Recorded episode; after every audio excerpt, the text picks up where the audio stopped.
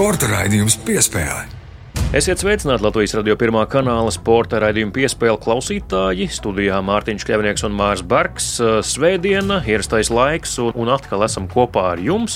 Kā jau parasti runāsim par sportu, nu, protams, arī par pasaules aktualitātēm, no tām neizvairīties, bet pārsvarā tomēr par sportu. Sveiks, Māri! Sveiks, Mārtiņ! Sveicināti Latvijas radio klausītāji! Jā, kārtējā svētdiena! Un šajā nedēļā mums būs ļoti tematisks raidījums, jo jau pēc dažām dienām, pēc konkrēti piecām dienām, sākas jaunā Latvijas futbola virslīgas sezona. Iet vaļā lielais futbols tepat pašu mājās, tepat uh, savās mājās esmu redzējis pirmos entuziastus, kas nevar nociesties jau garajā sporta tārpā, iet un uh, spārta bumbu uz mākslīgā zālē laukuma. Cilvēki nevar nociesties pēc iespējas uzspēlēt futbolu.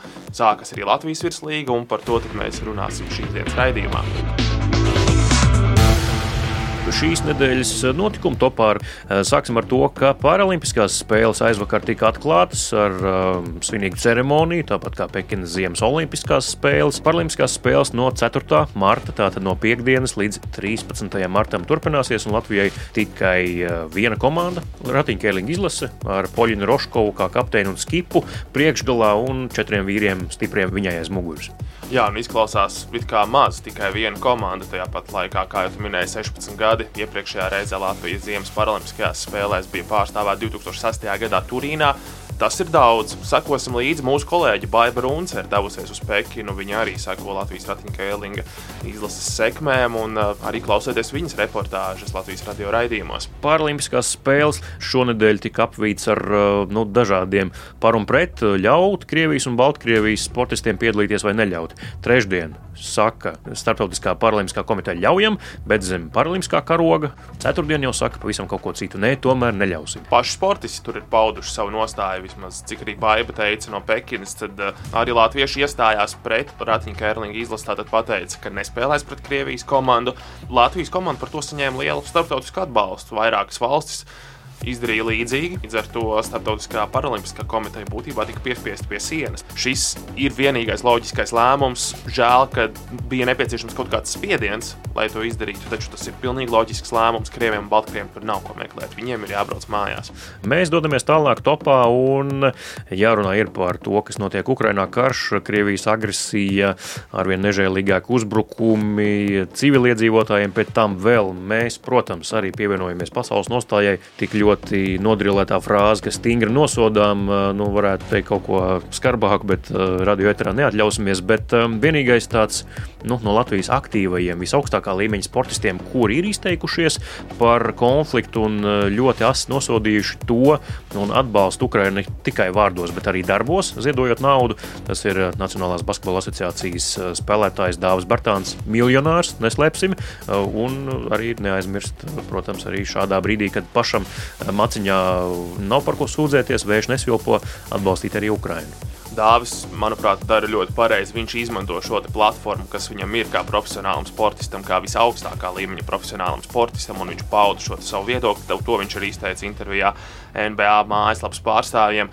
Līdz ar to vēl lielāku platformu kā Nacionālā basketbola asociācija un uh, šīs līgas mājaslapa ir ļoti grūti iedomāties. Līdz ar to Dāvija viedoklis noteikti ir svarīgs. Zinām arī, ka citi Latvijas sportisti ir ziedojuši līdzekļus, taču, manuprāt, sportistiem ir jāpauž arī savs viedoklis un ir jābūt ļoti konkrētiem. Tāpat kā Ainārs Bagātskis, bijušais Latvijas izlases līderis, bijušais Latvijas basketbola izlases galvenais treneris, arī viņš eh, Latvijas televīzijas raidījuma sporta studiju podkāstā izteicās ļoti stingri un arī konkrēti. Viņam tika piedāvāts darba piedāvājums Krievijā burtiski trīs dienas pirms šis raidījums tika ar sporta studiju ierakstīts.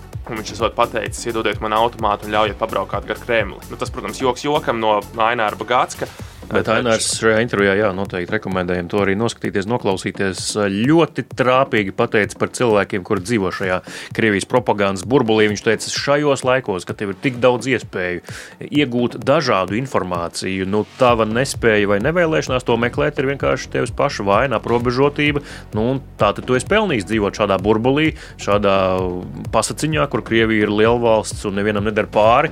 Kā nebūtu nav, ir tieši pretēji. Krievija ir agresors nu, gribētos piebilst vēl vienu Aināra Bagātska frāzi. Šis nav tas laiks, kad tu vari laipot un būt neitrāls. Sveicienu Mairim Briedim. Ir jāieņem nostāja, mēs esam ieņēmuši savu nostāju. Galu galā mēs arī to parādām tēkraklos, kādos mēs abi šeit eh, sēžam studijā un sarunājamies. Jā, jūs to slaveno Ukrāņu robežsargu frāzi, kur uh, Krievu kaujas kuģis tiek pasūtīts Trīs mājas, Trīs tālāk. mājas tālāk, bet nu, jūs visi noteikti zināt šo frāzi. Jā, starp citu, par Dābertānu runājot, viņam uh, sociālās saziņas vietnē Instagram ir 82,000 sekotāju. Un Dāvis arī izmantojam parādīja šo interviju, kurā viņš izteica savus domas par Ukrainu un Krievijas agresiju.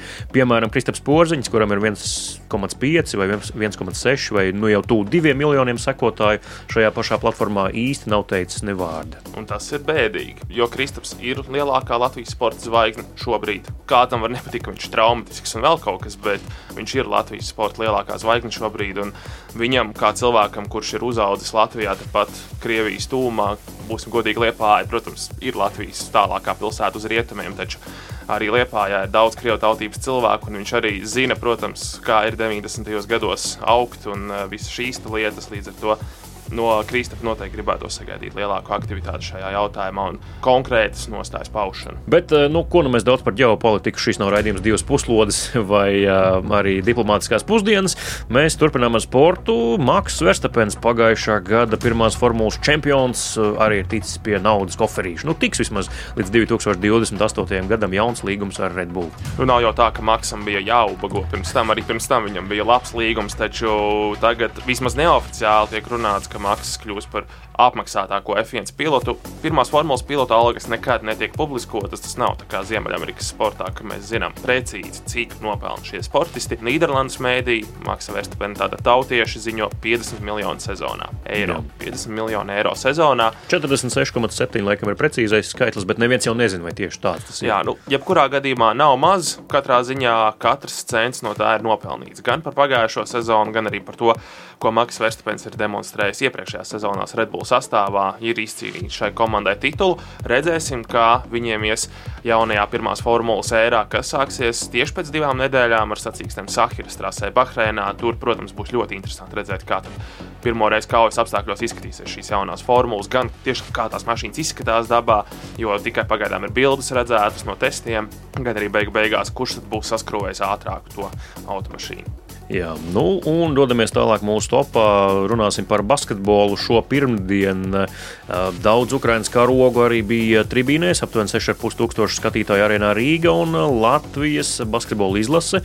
Otro reizi trījus laikā pārspēja Beļģiju. Piektdienā ar vienu punktu pārsvaru izbraukumā Monsā savās mājās negāja viegli, bet tomēr uzvara ir uzvara. Divas uzvaras ir kabatā, un tas bija iespējams svarīgākais Latvijas uzdevums šajā atlases cikla posmā - pārspēt Beļģiju abas reizes reizes. Mūsējie ir garantējuši vietu nākamajā kvalifikācijas kārtā, kas ir pēdējā pirms pasaules kausa fināla turnīra. Tagad vēl atliek divas spēles, vēl vienreiz jāspēlē ar Serbiju, jācenšas revanšēties par to, kas notika Belgradā. Un tad, protams, arī vēl viena spēle ar Slovākiju. Un uh, jācenšas arī šie divi mači uzvarēt, lai mēs jau varam paņemt līdzi uzvaras uz šo izšķirošo grupu turnīru, kur jau ir tad, lai mums būtu labākas izredzes pacīnīties arī par pasaules kausa fināla turnīru, un atceramies, kā tas beidzās iepriekšējā reizē ar, ar uzvaru, bet zaudējumu Melnkalnē.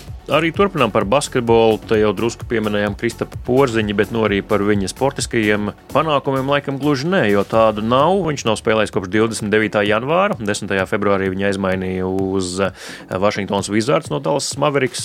Tur joprojām bija ceļgala trauma, gaidām, joprojām gaidām. Nav īsti zināms, kad atgriezīsies. Kas ir diezgan dīvaini, ka mēs joprojām nezinām, kad viņš būs atpakaļ laukumā, jo Dallasā, kamēr vēl viņš bija, tikmēr, nu, nu kuru katru dienu. Nu, tūlīt jau būs, nu, tur dažas dienas, nu, vēl kāda spēle, un tad jau nu gan. Droši vien Vašingtona nesasteidz, droši vien Vašingtona izmanto to pašu pieeju, ko Dallas pirms diviem gadiem, kad uh, Kristaps ieradās Mavericks komandā nesasteigt labāk izārstēt kārtīgi. Šo sezonu tāpat nekas vairāk par plēnu izcīņu viņiem nespīd. Nu, tā nav playoff komanda. Tādā formā, kā Vizards ir šobrīd, tā nav playoff komanda. Šīs nedēļas eh, sporta apskata svarīgais izceļamais notikums ir par futbolu. Itālijas eh, B sērija, otrā spēcīgākā futbola līga Itālijā, viena no spēcīgākajām eh, otrajām līgām arī Eiropā. Un tur spēlē Latvijas Darjo Šits. Viņš ir debitējis Pārma, slavenās Pārmas komandas sastāvā šonadēļ, un ar ko kopā vārtu sargāja Gianluigi Buffons, Itālijas futbola leģenda, kurš laikam noveco tikai varbūt vizuāli, bet tā laukumā joprojām var izdarīt ļoti labas lietas. Bufonam jau ir vairāk kā 40 gadi. Viņš paliek tiešām vecāks, un viņš vairs nav pasaules līmeņa vārdsargs. Taču vēl pirms pāris sezonām viņš spēlēja Turīnas Juventus, Parīzes Saint-Germain sastāvā. Tiešām izcils vārdsargs savā laikā ir bijis, un joprojām noteikti ir ļoti labs vārdsargs. 26 gadu starpība viņam ar Darjo Šītu. Noteikti liels gods uzspēlēt ar šādu šādu kalibru spēlētāju, šādu personību. Jo Buffons ir zināms arī kā ne tikai izcils vārdsargs, bet arī kā lieliska personība Itālijas futbolā. Jā, un Darīja pats jau publiski arī izteicies uh, citās intervijās, citos medijos, ka uh, Buffons arī ir tāds uh, ļoti vienkāršs cilvēks, palīdz jaunajiem, uh, nav vīzdegunīgs un, un neliedz nekad savu padomu. Tā ir Latvijas futbola nākotne, kas zina, pārmiem iekļūst tā sērijā, un mums ir uh, beidzot kādā no top 5 Eiropas futbola līgām arī savs pārstāvis. Sporta raidījums piespēlē. Māri, beidzot mēs runājam par futbolu. Jā, mēs jau aizkadrā pirms brīža runājām, ka gada sākums ir paskrējis ļoti ātri. Nākamajā piekdienā sāksies jaunā virslīgas sezona, un tāpēc mums studijā šodien ir divi viesi, kuri ļoti labi pārzina futbolu. Divi no Latvijas vadošajiem uh, futbola apskatniekiem pie mums ir ieradušies Edmunds Novickis un Arkādijs Birjoks.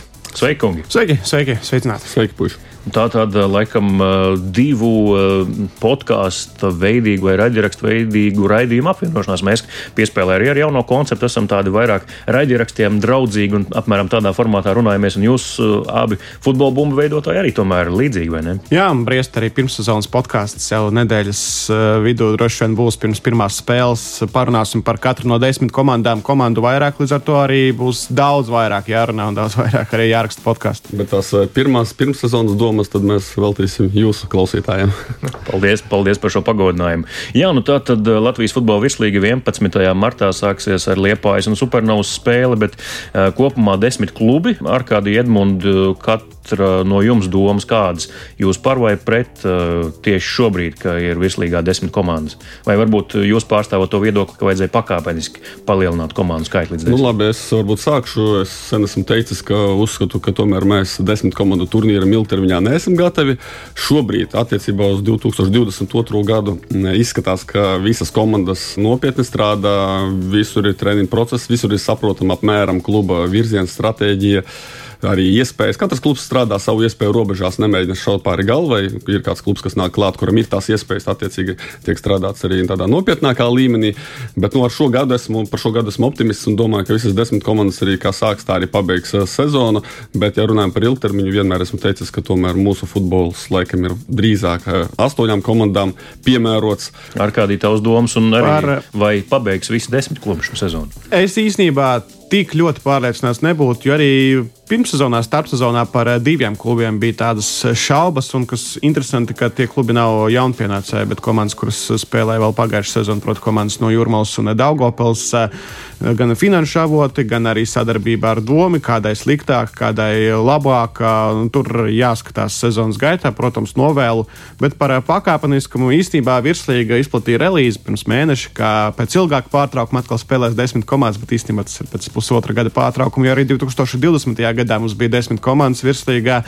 Un būtiskākais, kas ir tāds arguments šobrīd pret, ka mēs esam diezgan maz cilvēku futbolā un eh, desmit komandas 36 kārtas, eh, kā tas viss ieliksies un cik daudz cilvēku spēs būt apkārt tām spēlēm. Domāju, mēs varam pievērsties arī pašām komandām un virslīgas dalībniecēm, vairāk jaunpienācēji. Vienmēr ir jautājums, kāda būs šie jaunpienācēji, vai viņi nebūs stabils pastarīši, kas dāļās punktus stiprākajām komandām. Kā jūs skatāties uz šīs sezonas virslīgas jaunpienācējiem, cik šīs komandas spējas būt konkurētspējīgas vismaz šobrīd, raugoties uz papīra. Īstenībā tādam eh, vienkāršam skatītājam no malas uzreiz var ļoti eh, vienkāršu ieskatu iedot, un viss uzreiz būs skaidrs. Desmit komandas ir, un visi, kas orientējas Latvijas futbolā, droši apgalvo, ka būs divi piecinieki, vadošais piecinieks un apakšējais piecinieks. Un runājot par tieši jaunpienācējām, tad divas no jaunpienācējām, kas ir Supernova un Tukums 2000, ar diezgan lielu pārliecību būs tie apakšējā pieciniekā, jo nemēģina lēkt pāri savai galvai, spēlēs ar saviem audzēkņiem, vietējiem puišiem. Un savukārt trešā jaunpienācēja, kas arī uzvarēja nākotnes līgu pagājušajā gadā, tā ir Auda. Nu, Kura tur, tikusi tagad ir pie naudas maisa? Tikusi pie naudas maisa, bet starp citu, jā, tur arī jautājums, jo tur Krievu investors, kā viņi paši arī ziņoja, nu labi, tā atkal ir cita tēma, bet viņi, viņi tēmē, protams, uz to vadošo piecinieku un ļoti iespējams jau pirmajā gadā uz augstiem mērķiem. Kopumā skatoties tātad pagājušā sezonas pirmais četrnieks Riga pēdējo trīs gadu čempioni palika 4. vietā, pirmā RFS kļuva par čempioni, tad Valmiera, tad Liepāja. Kā jūs vērtējat šo komandu darbu starpsezonā? Nu, savā ziņā loģika šeit ir, ja tu esi pirmajā, otrajā vietā, tad kāpēc tev kaut kas jāuzlabo? Nu, vienīgā atšķirība starp RFS un Valmieru, pirmo un otro vietu, ka RFS no dažiem līderiem atvadījās starpsezonā. Roberts Savaļnieks, Leonels Strumī devās uz Liepāju, Tomas Šimkovičs devās uz mājām, uz Vīni. Tie ir būtiski zaudējumi, un kurus aizvietot, nu, pagaidām, pagaidām grūti saprast, kurš varēs pilnvērtīgi un kvalitīvi. Plus vēl Arthurs Zuzins, viens no vadošajiem spēlētājiem pagājušajā sezonā, arī lielāko daļu no starpsezonas izlaida savainojuma dēļ. Es pat nezinu, cik saprotu, viņš nebūs gatavs sezonas pirmajām spēlēm. Bet RFS panākums, ka RFS noturēja Emersonu un Žigu Lipušķeku, divus jaunus spēlētājus, par kuriem vairāk klubi interesējās. Līdzīgi arī par Valmieru, ka Valmiera visas gandrīz noturēja no pagājušā gada komandas, ieskaitot Raimondu Krolli. Jā, Valmierai tur var būt pārmaiņas aizsardzības centrā, bet arī pagājušās divas sezonas pierādīja, ka valmierieši var. Nu jā, un valmieras būtiskākais zaudējums Tamas Pērtī, protams, to nedrīkst aizmirst. Tagad Jurģis Kalns īstenībā valmieras spēlē līdzīgi kā Tamas Pērtīs vadībā ar to pašu presingu, ar to pašu deksmi garu. Bet Jurģis Kalns tāda tā maz jaunāka versija, balts ķēdiņas uh, stils arī līdzīgs, tās bļaustīšanās un, un pārmešanas tiesnešiem, tā kā tas tur nekas daudz nav mainījies. Organisks, organisks turpinājums uh, būs, bet paturpinot domu, jā, nu tas tā cilvēka dabā, tu esi kritis. Es runāju šobrīd par Rīgā, par trīs gadu čempioniem, tad viņam ir jāpieceļas. Un Rīgā maciņš ir dziļš, un viņi, nu, viņi uzreiz ir nikni. Viņiem tā bija pļauka, viņiem tas bija pazemojums pēc trim pirmajām vietām, palikt ceturtajā vietā. Un, zinot viņu finanšu iespējas, viņi uzreiz ķērās klāt pie, pie darba, uzreiz sāka ne tikai ņemt labus spēlētājus ar lielām algām, bet arī pirkt, kas Latvijas futbolā parasti mēs mēģinām pārdot. Bet, un šeit es piebildīšu par RFS, par čempioniem, nu, ka viņi redzot šo Rīga tādu agresīvo darbību spēlētāju tirgu, viņi arī saprot, ka nu, skriet līdzi laikam nav vērts. Tas nav tikai stāsts par to, ka viņiem nav nekas jāmaina, jo viņi ir čempioni. Noteikti, ka viņi gribētu arī pastiprināties, noturēt to titulu, bet viņi saprot, ka pff, līdzi Rīgai viņi vienkārši nevar aizskriet. Līdz ar to viņi pieturas pie tāda mierīgāka varianta, cerībā, ka var būt izšaus, bet nu, vairāk jau tomēr viņi apzinās, ka naudas ziņā viņi nevar spēkoties. Līdz ar to nav vērts, jo Latvijas futbolā otrā vai ceturtā vieta nu, nav lielas nozīmes. Čempionu tituls ir vērtīgs. Jā, bet par FC Rīgu paturpinot arī viņi pēdējo gadu laikā, nu, pat vēsturiski varam teikt, tā, vienmēr ir mainījuši trenerus kā zeķis. Ja kaut kas neaiziet, treneris uzreiz lido ārā no komandas. Vai Torstens Finks, jūsuprāt, saņems attiecīgu uzticības kredītu, vai viņam tiks dots laiks tiešām ar šo komandu strādāt? Pagaidām grūti atrast argumentus par to, ka spēle tiešām nevadīsies. Nu, vienīgais arguments, ka sezonas sākumā pirmajās divās kārtās Rīgai būs jāspēlē pret Valmieru un Liepoju, un tur sešus punktus dabūt nebūs vienkārši uzdevums, bet pret apakšējo piecinieku tā saucamo, nu, tur diez vai Rīga būs problēmas. Plus tās pārbaudas spēles, ko bija iespēja redzēt Dubajā un arī Turcijā. Rīga aizdīja kvalitīvi, daudz kvalitīvāk nekā tas bija pirms gada. Izgāztajā sezonā trenera Denisa Laktiona vadībā kurš ļoti ātri arī pameta savu amatu. Ir pressings, ir spēle, ir spēle uzbrukumā, ir daudzveidība, komanda gūst vārdus. Arī kodols ir iezīmējies, un arī sistēma ir pamainījusies. Proti, vairāk uzbrukošāk, pārliecinošāk, pārliecinošāk ar bumbu un radošāk. Tāpēc es esmu ļoti pozitīvs par to, kā Rīga izskatīsies sezonas sākumā Torstenas Finka vadībā. Un vienīgais, ka varētu kaut kādi ārpus faktori, ārpus futbola faktori liekt Finkam strādāt Rīgā FC. Jā, Markādis uzlika uzsvaru uz to, to sportisko, bet es arī tomēr uzsvērtu vienu citu svarīgu lietu attiecībā uz Rīgā. Visus iepriekšējos gadus arī tajos brīžos, kad uh, trenerim gāja labi un viņš strādāja, kā piemēram Mihails Koņovs, kad uh, komanda uzvarēja. Tāpat Viktors Skripņiks, kurš arī atnāca ar, milz, ar fantastisku uzvaru sēriju, uzvarēja titulu un pēc tam aizbrauca. Tomēr pārsvarā, cik dzirdēts no pašas komandas un apkārtējiem, ka tur tās gaisotne allaži bijuši saspringta, ka visi ļoti domā par rezultātu, visi ļoti uzbudināti. Un, nu, tāda, tāda, es teiktu, tāda pat negatīva atmosfēra, jā, tāda saspringta atmosfēra. Citreiz tā dod rezultātu, bet, ja kaut kas noiet greizi, tad viss uh, sāk pa vīlītēm ir tārā. Un šajā gadījumā Torstens Finks, laikam, ir pirmais Rīga treneris, varbūt ar kādiem nāk parātā vēl kāds cits, kur ir absolūti brīva atmosfēra. Taisa smieklīgos klipus un absolūti iet citu ceļu. Varbūt arī Torstens Finks jau ievācot ziņas, kas nesenāca pagājušajā gadā, uztvēra to stīgu. Varbūt tas ir vienkārši viņa stils un rietumnieciskais stils, to, to man vēl grūti pateikt, bet viņi iet šo ceļu. Protams, ja sportiskā ziņā būs pirmās neveiksmes pavasarī, tur var ātri uh, kaut kas mainīties. Man arī ir viena futbola cilvēku derības, ka līdz maijam, man pateica cilvēks, ka līdz maijam Finks būs prom. Es tomēr ļoti ticu, ka ka tā pozitīva atmosfēra, kas ir iegājusi Riga klubā, tā noturēsies ilgāku laiku. Pat ja sportiski kaut kur kaut kādas eh, klibošanas būs, tad tomēr viņi pieturēsies pie tādas vairāk ilgtermiņa stratēģijas un Finks vismaz vienu gadu nostrādās. Par uh, pastrīšiem mēs jau drusku parunājām. Man interesē jūsu iekšējā informācija no aizkulisēm, kas ir zināms par Daugopilu, kādā nu, situācijā viņi ir šobrīd, kā viņiem ar naudu, kā ar nākotni, dzīvo no dienas uz dienu, no rokas mutē. Tas foršākais, nu, foršākais pēdiņās, protams, bet citāds, kas daudz ko pasaka par Daugopeli. Proti, Nauris Manskevičs stāstīja intervijā vēl vienam podkāstam, ka Andrejs Kaļiņins sacīs, ka no pirmssezonas ieplānotā pēc plāna treniņu dienas aizritēja trīs vai četras. Proti, vienmēr ir kaut kādi faktori, vai nu slikts laiks, vai nu celtnieku laukums nav sagatavots, vai nu tur jāpārplāno, tur domē, neatbalsta ne cik. Un, tā tālāk. Nu, Daugopils ir tā komanda, kas spēlē virslīgā par spīti tam, kas notiek. Šobrīd diezgan sarežģīti tur arī savainojumie vairākiem vadošiem spēlētājiem bija starpsezonā. Andrejs Kovļovs izskatās ir noslēdzis karjeru, Edgars Ivanovs arī viens no vadošajiem centra pusargiem ir savainojies starpsezonā.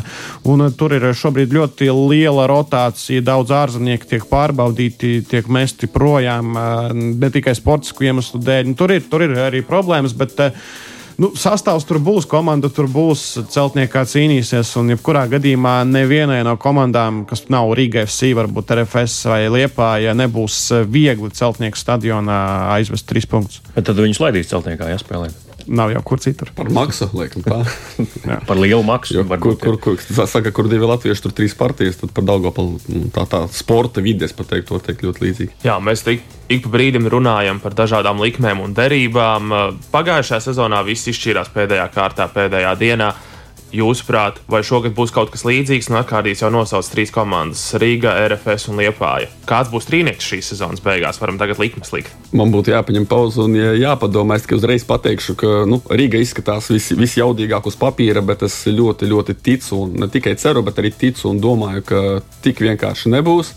Jā, protams, Valmiera arī jāliek klāt, jo pēc tādām avansētām futbola statistikas metrikām Valmiera bija labākā komanda pagājušā sezonā, un arī šajā starpsezonā Valmiera tiešām arī statistiski prata arī Kīvas dināmo sastādīt nopietnu konkurenci, īpaši tās spēles pirmajā puslaikā izveidoja vairākas iespējas un spēlē Valmiera tiešām ļoti agresīvu, ļoti presingojošu futbolu, un ar to var iziet, bet es pieļauju, ka tieši tam dēļ, ka ir 36 kārtas, tad uh, Valmiera bruks un klubs uh, pret, arī pret Supernovu, pret Tukumu būs kāda spēle, kur Valmiera zaudēs punktus. Un tas tai komandai liekas uh, būt līdz galam cīņā par titulu, bet uh, es teikšu, ka Valmiera būs trīniekā. Uh, kas būs ārpus trīnieka no Liepāja, Rīga FC un RFS. Šobrīd tiešām raugoties sastāvā, raugoties arī uz eh, latviešu spēlētāju sastāvu, liekas, ka RFS varētu būt tā komanda, kas eh, piedzīvos kritienu un eh, būs ārpus trīnieka, bet skaidrs, te būs daudz variantu. Bet jā, šobrīd, ja man būtu jāsaka nedēļa pirms sezonas, skatoties uz sastāvu, skatoties uz pirmssezonu, tad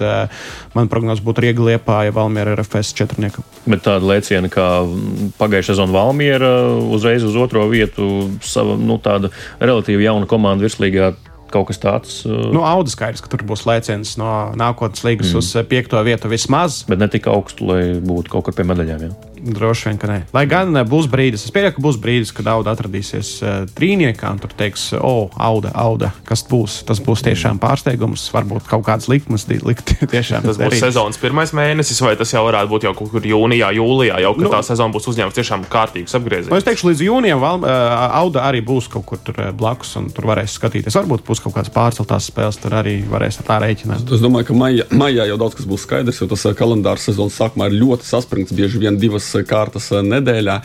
Runāt par manu trīnieku Rīga, Rīga noteikti. Par Valmieru savukārt par mūsu vicečempioniem tur vēl viens tāds būtisks aspekts. Jā, Tamas Spērtie, kā mēs te izrunājām, ir aizgājis prom. Viņu jāsaka līderis, komandas līderis, lai gan ir trenera ādā. Bet ir runas, ka viņš pavisam tuvā laikā, vasarā tas ir vēlākais, varbūt pavasarī, pārceļas uz citu valsti, sāk strādāt par galveno treneri citā valstī un ļoti iespējams viņš paņems dažus Valmieras līderus Raimondu Krolli priekšgalā, jo, cik noprotams, tad uh, Tamas Spērta ies uz klubu, kur, kuru iegādāsies tas pats arī Valmieras eh, prezidents, šī brīža Valmieras eh, īpašnieks. Tas ir tāds būtisks jautājums, kā Valmiera izskatīsies pēc šīm pārmaiņām, vai tur netiks tas sastāvs paplucināts. Bet, ja mēs runājam par to, kā tas izskatās šobrīd, un es uz brīdiņu tomēr pieņemšu, ka Valmiera paliek šī brīža veidolā un nepamet līderi komandu, tad es tomēr Valmieru arī lieku tāpat kā Arkādijas trīniekā. Savukārt trešā komanda gan man nebūs, nebūs liepā, ja tur arī ir Tomēr es neredzu tur tādu ilgtermiņa darbu, tādu stabilitāti. Plus tagad vēl stāsts par to, ka viņa Baltkrievijas treneris nezina, vai varēs palikt strādāt vai nē. Mums liecos domāt par RFS, kas ir tāds stabilāk, stabilāka vērtība. Plus RFS ir jāspēlē Čempionu līgā, pēc tam ir labas iespējas aizcīnīties arī grupu turnīrā caur kādu citu Eiropas turnīru. Un, cik zinu, tad kluba vadība arī ļoti nopietni domā par vasaru un skatīsies, kā viņiem ies un noteikti pastiprināsies. Tur nav jautājumu. Tā kā vasarā RFS varētu uzņemt tempu. Tāda lūk saruna par futbolu. Raidījumā raidījumā piespēlē. Eh, raidījuma futbola bumbas vadītāja Edmunds Novickis un Arkādijs Birjuks ciemojās šodien Latvijas radio studijā. Mēs ar Māri arī šeit pat bijām. Paldies, kungi, par sarunu! Paldies jums! Paldies! Piespēle! Studijā es Mārtiņš Kļavnieks, mans kolēģis Māris Bergs un uh, Reinis Grunsteņš, mūsu kolēģis, uh, pavisam nesen uh, bija izbraucis no Latvijas, aizbraucis uz kādu Eiropas valsti, kurā futbols ir kaut kas vairāk par tikai sporta veidu, es domāju. Mēs par šo valsti jau arī pirms kāda brīdiņa runājāmies. Un šīs valsts futbola izlasi mēs pazīstam kā oranžos. Protams, visiem futbola līdzjutējiem uzreiz ir skaidrs, par ko ir runa. Tā ir Nīderlanda. Jā, un Nīderlandē spēlē viens latvietis. Nīderlandes augstākajā līgā, jeb Eredivisija. Kambūra komandas sastāvā tas ir Roberts Ulričs, uh, Latvijas futbolists, kurš šobrīd ir uh, spēcīgākajā klubu čempionātā no tiem, kas ir pārstāvēti Latvijas izlases uh, spēlētāju lokā. Nu, tad ar, gan ar Robertu, gan ar Kambūra komandas galveno treneri. Turpinājumā parunās Reinis Grunsteins. Viņš ir iepazīstinās, kā tur vispār izskatās, kur Roberts trenējas, ko dara, kāds ir stadions, apstākļi. Nu, pavērsim priekškaru, un tas vērs tieši šobrīd. Kas lācītim vēderā? Ophalen, je eigen helft, laatste meter. Ja? Twee. Esiet sveicināti sporta raidījuma piespēle klausītāji. Šoreiz esmu ieradies Nīderlandes ziemeļu pilsētā Leivārdenā, lai apmeklētu futbola kluba Kambūra treniņu un tiktos ar Latvijas izlases uzbrucēju, kurš Nīderlandes čempionātā gūs jau piecus vārtus - Robertu Uldriķu. Sveiks, Robert! Sveiki visiem, sveiki! Pastāst, cik liela konkurence šajā komandā ir tavā pozīcijā, jo iepriekšējā komandā, kurā spēlēja Sionā Šveicē, tur bija 7 līdz 8 spēlētāji, kas konkurēja faktiski vienu pozīciju sākuma sastāvā. Kāda situācija šajā komandā? Jā, Sionā bija ļoti interesanti, jo tur bija tieši kāds saka, 7, 8 spēlētāji uz vienu pozīciju, un tur bija trenerim ļoti liela izvēle, rotācija. Šeit mums ir uh, trīs centru uzbrucēji nu, uz to vienu pozīciju, kurā es spēlēju.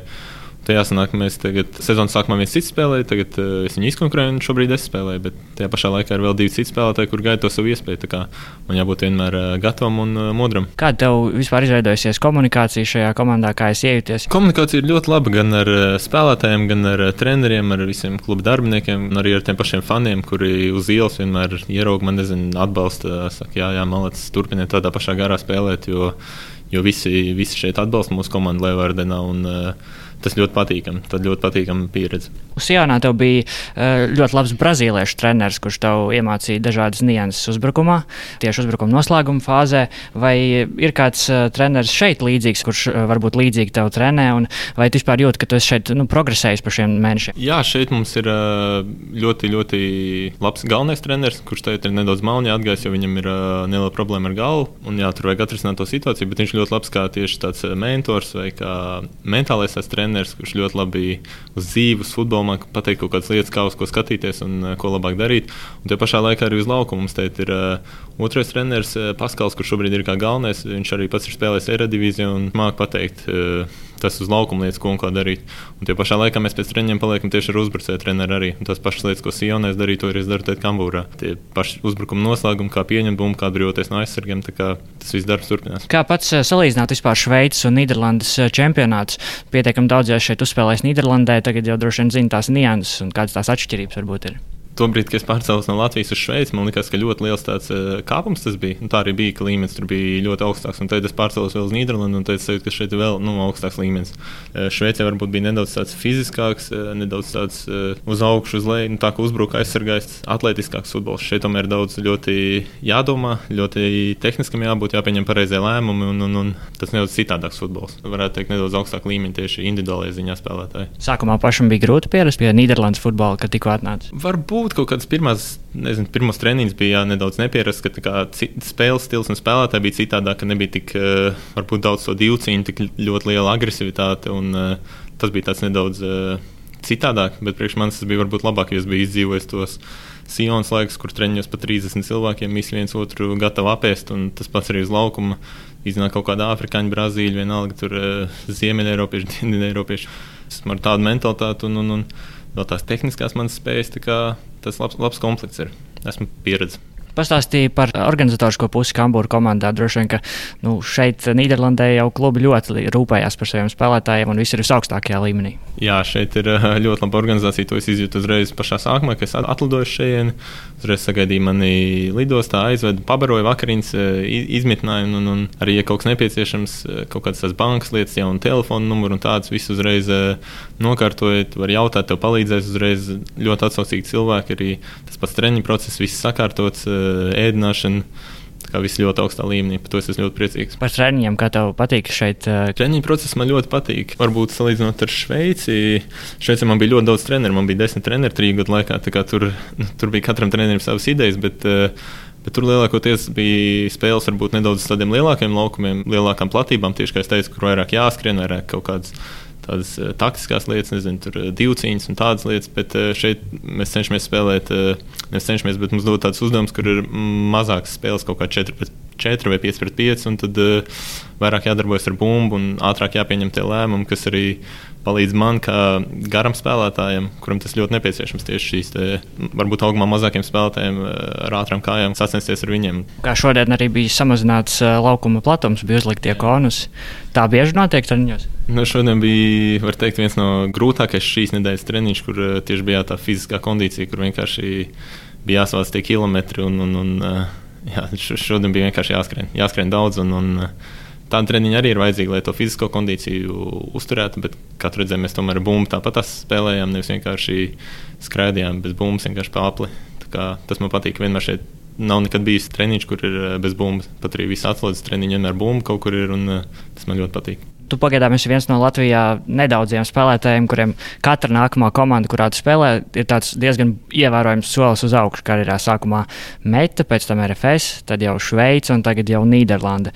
Nu, protams, galvenais faktors, kas to nosaka, ir tas, cik labi tu spēlē laukumā, bet tomēr cik svarīgi ir arī citi faktori, lai Latvijas futbolists tiktu pamanīts, varbūt tā Šveicē vai, vai Nīderlandē. Tev droši vien, ka ja, nu, liels faktors bija tavs tētis arī. Galvenais faktors ir tas, ko tu dari uz laukuma, principā, jo ja tu neesi labs uz laukuma, tur var vienalga tev nu, nekur tālu netiks. Bet jā, man ir uh, paveicies, ka man blakus vienmēr ir bijis viens no zinošākajiem cilvēkiem Latvijas futbolā.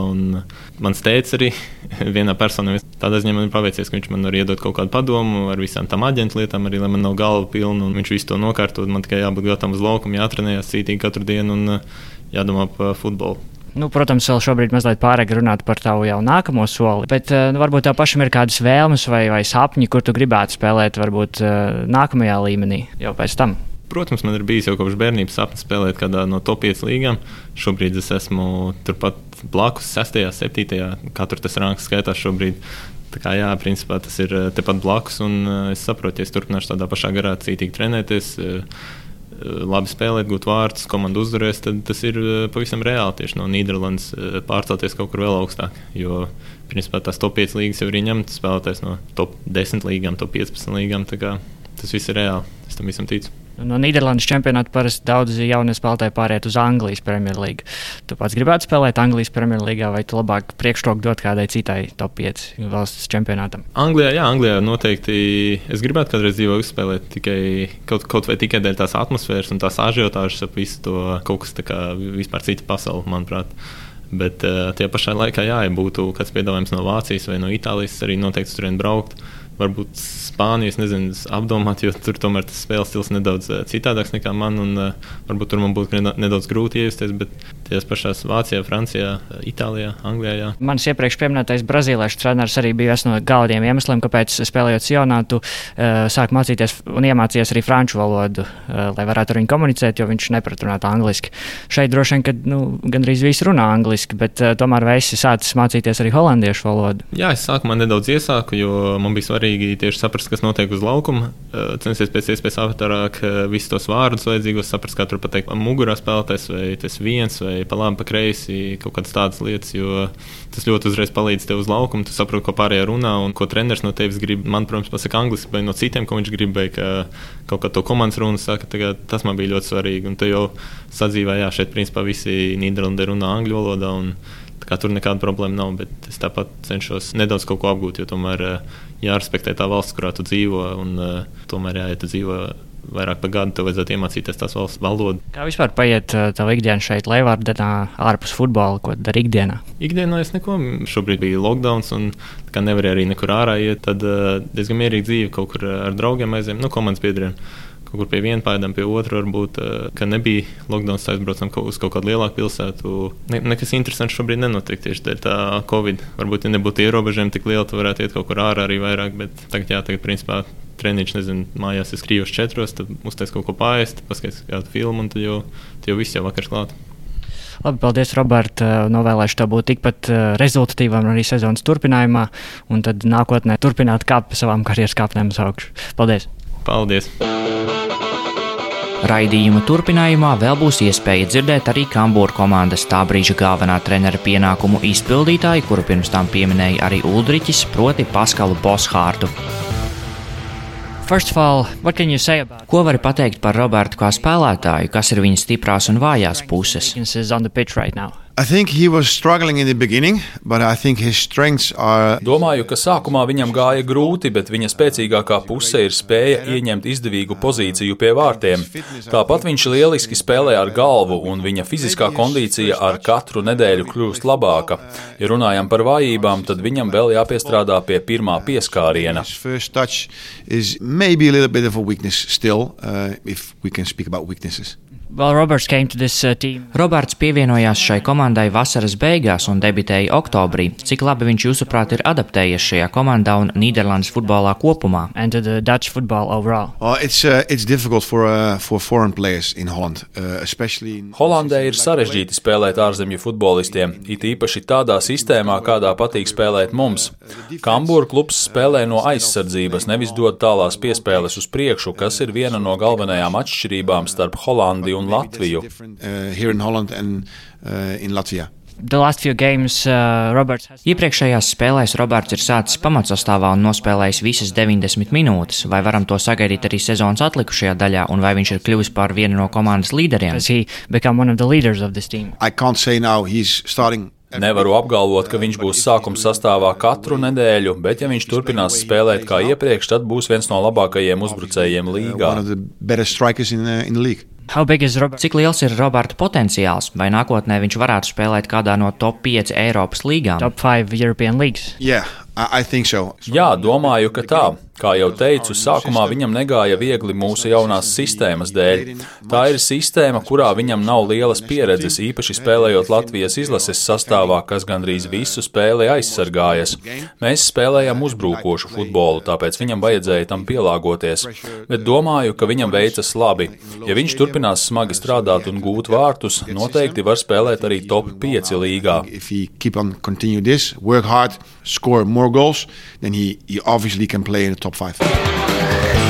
Latvijas radio pirmais kanāls, sporta raidījums piespēle, studijā Mārtiņš Kļavinieks un Mārs Bergs. Nu, un tādu lūk, reportāžu no Rēņa Grunsteņa.